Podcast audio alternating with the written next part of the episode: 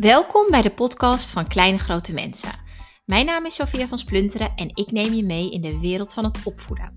Waar doe je nu eigenlijk echt goed aan als ouder?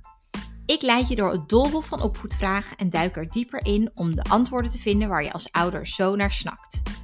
En vandaag gaan we het hebben over hoe ga je om met kritiek op jouw opvoedstijl.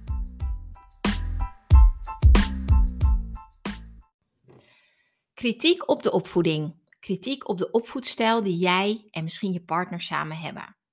Het is echt best wel een heet hangijzer dit, want het kan tot enorm veel dilemma's, ruzies, conflicten leiden binnen je familie, binnen je kennissenkring, vriendenkring. Maar meestal speelt het zich af binnen de familie. En dat zijn vaak de, de ruzies, de conflicten, de onderhuidse spanningen die het lastigste zijn. Dus vandaag wil ik met je bespreken hoe ga je daar nou mee om? Moet je er iets aan doen? Moet je het gewoon laten? Moet je accepteren dat anderen kritiek hebben op hoe jij je kinderen besluit op te voeden? Ehm, wat zijn de opties? Nou, om te beginnen. Het is natuurlijk heel goed als jij voor jezelf een bepaalde opvoedvisie hebt. Van, nou, ik wil mijn kinderen bijvoorbeeld, hè, de opvoedvisie waar ik natuurlijk achter sta, van je kinderen niet uh, laten huilen, alle emoties mogen er zijn. En standaard dat jij dat ook heel erg fijn vindt en dat je zegt, daar sta ik achter, daar kan ik me in vinden, zo wil ik mijn kinderen opvoeden dan kan het zijn dat niet iedereen daar ook zo over denkt. Dat is natuurlijk hartstikke leuk en heel fijn als dat wel het geval is. Maar er is wel een grote kans dat er anderen zijn in je omgeving, familie, die gewoon nog een beetje een ouderwetse, meer traditionele opvatting hebben en blik op het opvoeden. Als je dat dus meemaakt, dan kan het tot hele vervelende situaties leiden. En ook zeker als je bijvoorbeeld schoonouders of ouders hebt die oppassen op je kind, die kunnen er dan op een andere manier mee omgaan, anders dan jij dat zou willen.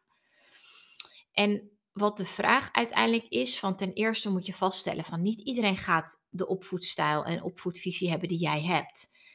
Weet je, dat zou natuurlijk heel geweldig zijn als iedereen dat hetzelfde zou denken. Alleen de waarheid um, is dat dat niet zo is. Zeker niet een oudere generatie. Maar ook jongere generatie staat niet iedereen daar hetzelfde in. Dus we moeten accepteren dat niet iedereen er hetzelfde over denkt. En zodra, zodra we dat kunnen accepteren, kunnen we ook bedenken: hé, hey, anderen hebben ook het recht om er anders in te staan, om er andere opvattingen op na te houden, om te denken: nou, weet je, je moet je kind gewoon laten huilen, of je verwendt hem te veel, of uh, als hij boos wordt, moet hij naar zijn kamer. Hè? Het, het idee van straffen en belonen.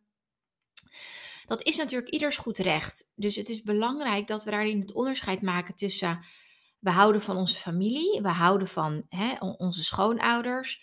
Alleen we zijn het er niet altijd met ze eens. We zijn het niet altijd met ze eens. En zij zijn het ook niet altijd met ons eens.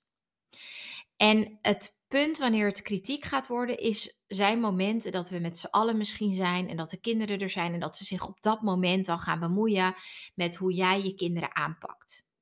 Nou, en je kan er in een paar dingen besluiten en dat hangt heel erg af uh, van hoe je er zelf in staat en hoe je zelf bent. Ik ben altijd voor communicatie. Dus op het moment dat er dingen gebeuren die je niet fijn vindt, als bijvoorbeeld jouw schoonfamilie of jouw familie jouw kind corrigeert op een, op een manier die jij niet fijn vindt als je erbij bent, is dat zeker iets wat je moet kunnen bespreken en wat je moet kunnen benoemen. Van joh, weet je, misschien niet in het moment, want dan word je waarschijnlijk boos.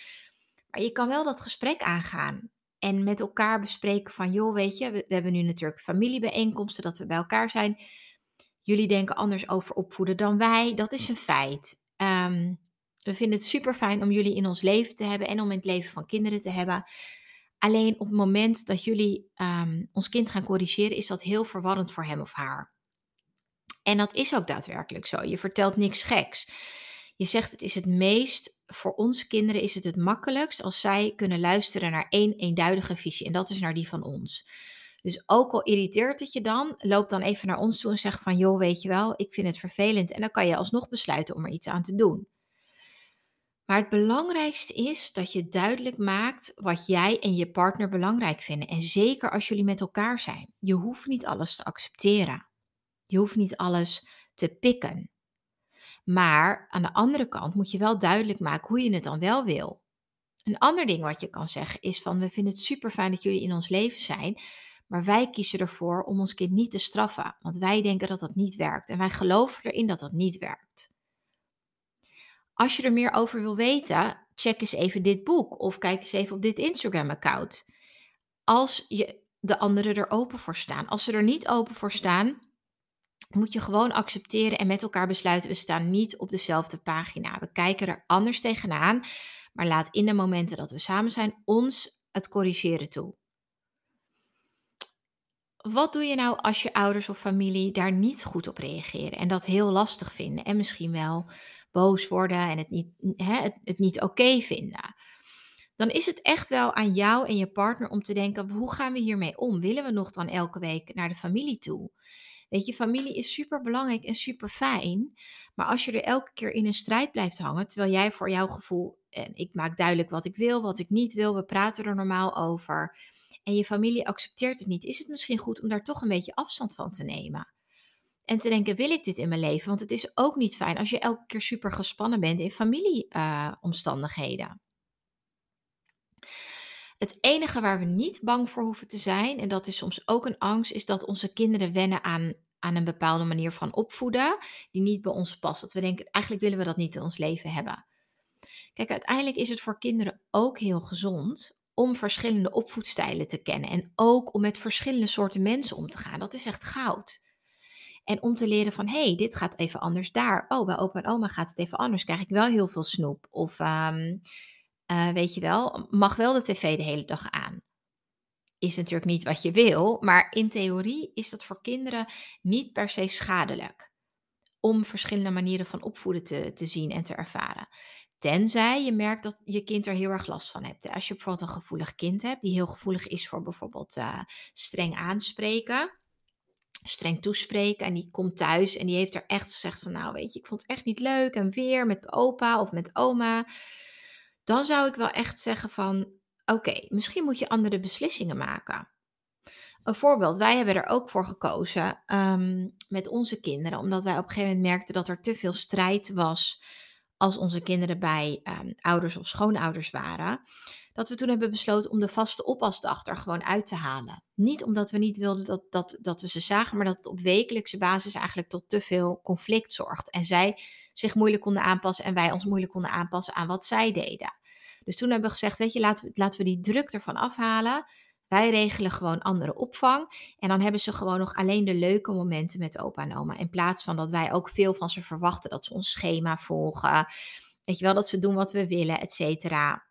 Dan is het gewoon minder erg. Als je zegt, we doen het gewoon eens in de zoveel tijd gaan ze logeren. We gaan af en toe in de weekenden langs dat haalt de druk er voor beide partijen af. Dus soms kan het ook helpen om andere keuzes daarin te maken. En ook niet te blijven hangen aan bepaalde ideeën of utopieën die je hebt. Van ik wil dat mijn ouders voor mijn kinderen zorgen. Als dat eigenlijk gewoon in de praktijk niet werkt. Dus belangrijk is dat je je grenzen mag aangeven. Dat jij en je partner voor jullie zelf besluiten van hé, hey, wat vinden we hier nou eigenlijk van? Is het, kunnen we er met z'n allen overheen komen? Staat de andere partij open om te luisteren naar wat wij zeggen. Als wij zeggen van luister, wij vinden het fijn om ons kind wel te troosten en om niet te straffen, staan ze daarvoor open. En op het moment dat je je behoeftes kenbaar hebt gemaakt en hebt gezegd: dit is hoe wij het graag willen, en je familie of uh, kennissen reageren daar niet goed op, dan is het zaak om ook andere keuzes te maken. Want het hoeft niet altijd per se te gaan hoe het altijd gaat. Hè? Het is jouw gezin, jij mag dat beschermen en jij mag daar de, de, de, de, de, de tijger in zijn om te bepalen hoe je het wil hebben. Wat wel belangrijk is, is dat je wel ook aan je familie niet in een conflict communicatie belandt. Dus daarin is het heel goed om te benoemen wat je wel heel fijn aan ze vindt. Van weet je, ik vind het zo fijn en jullie de kinderen zijn zo aan jullie gehecht en ze vinden het zo fijn om jullie te zien. Jullie zijn zo'n waardevolle toevoeging in ons leven en we willen dat graag zo houden. Dus begin het ook vooral positief en geef daarna je grenzen aan. En bijvoorbeeld wat je ook kan zeggen is iets van, ik vind het super fijn om af en toe met je te sparren over de opvoeding, maar af en toe vind ik het fijn als je gewoon even wil luisteren. Weet je, want ik merk dat als je vaak kritiek geeft, dat dat bij mij gewoon, uh, dat ik dat best wel lastig vind. Dus als je zou willen luisteren, zou ik dat super fijn vinden. De sleutel zit hem echt vaak in de communicatie.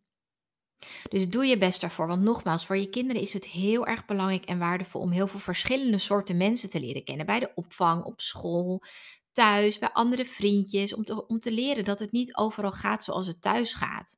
En dat is juist iets wat je je kinderen wil meegeven. Dus Probeer die hobbel te, te nemen. Probeer er overheen te komen met je familie. En ehm, als dat echt niet lukt, kan je kijken van hé, hey, wat kan ik doen om misschien uh, wat minder contact, het contact misschien minder intensief te maken. Want uiteindelijk is dat allemaal aan jou en bepaal jij hoe je en wat je wil voor je gezin.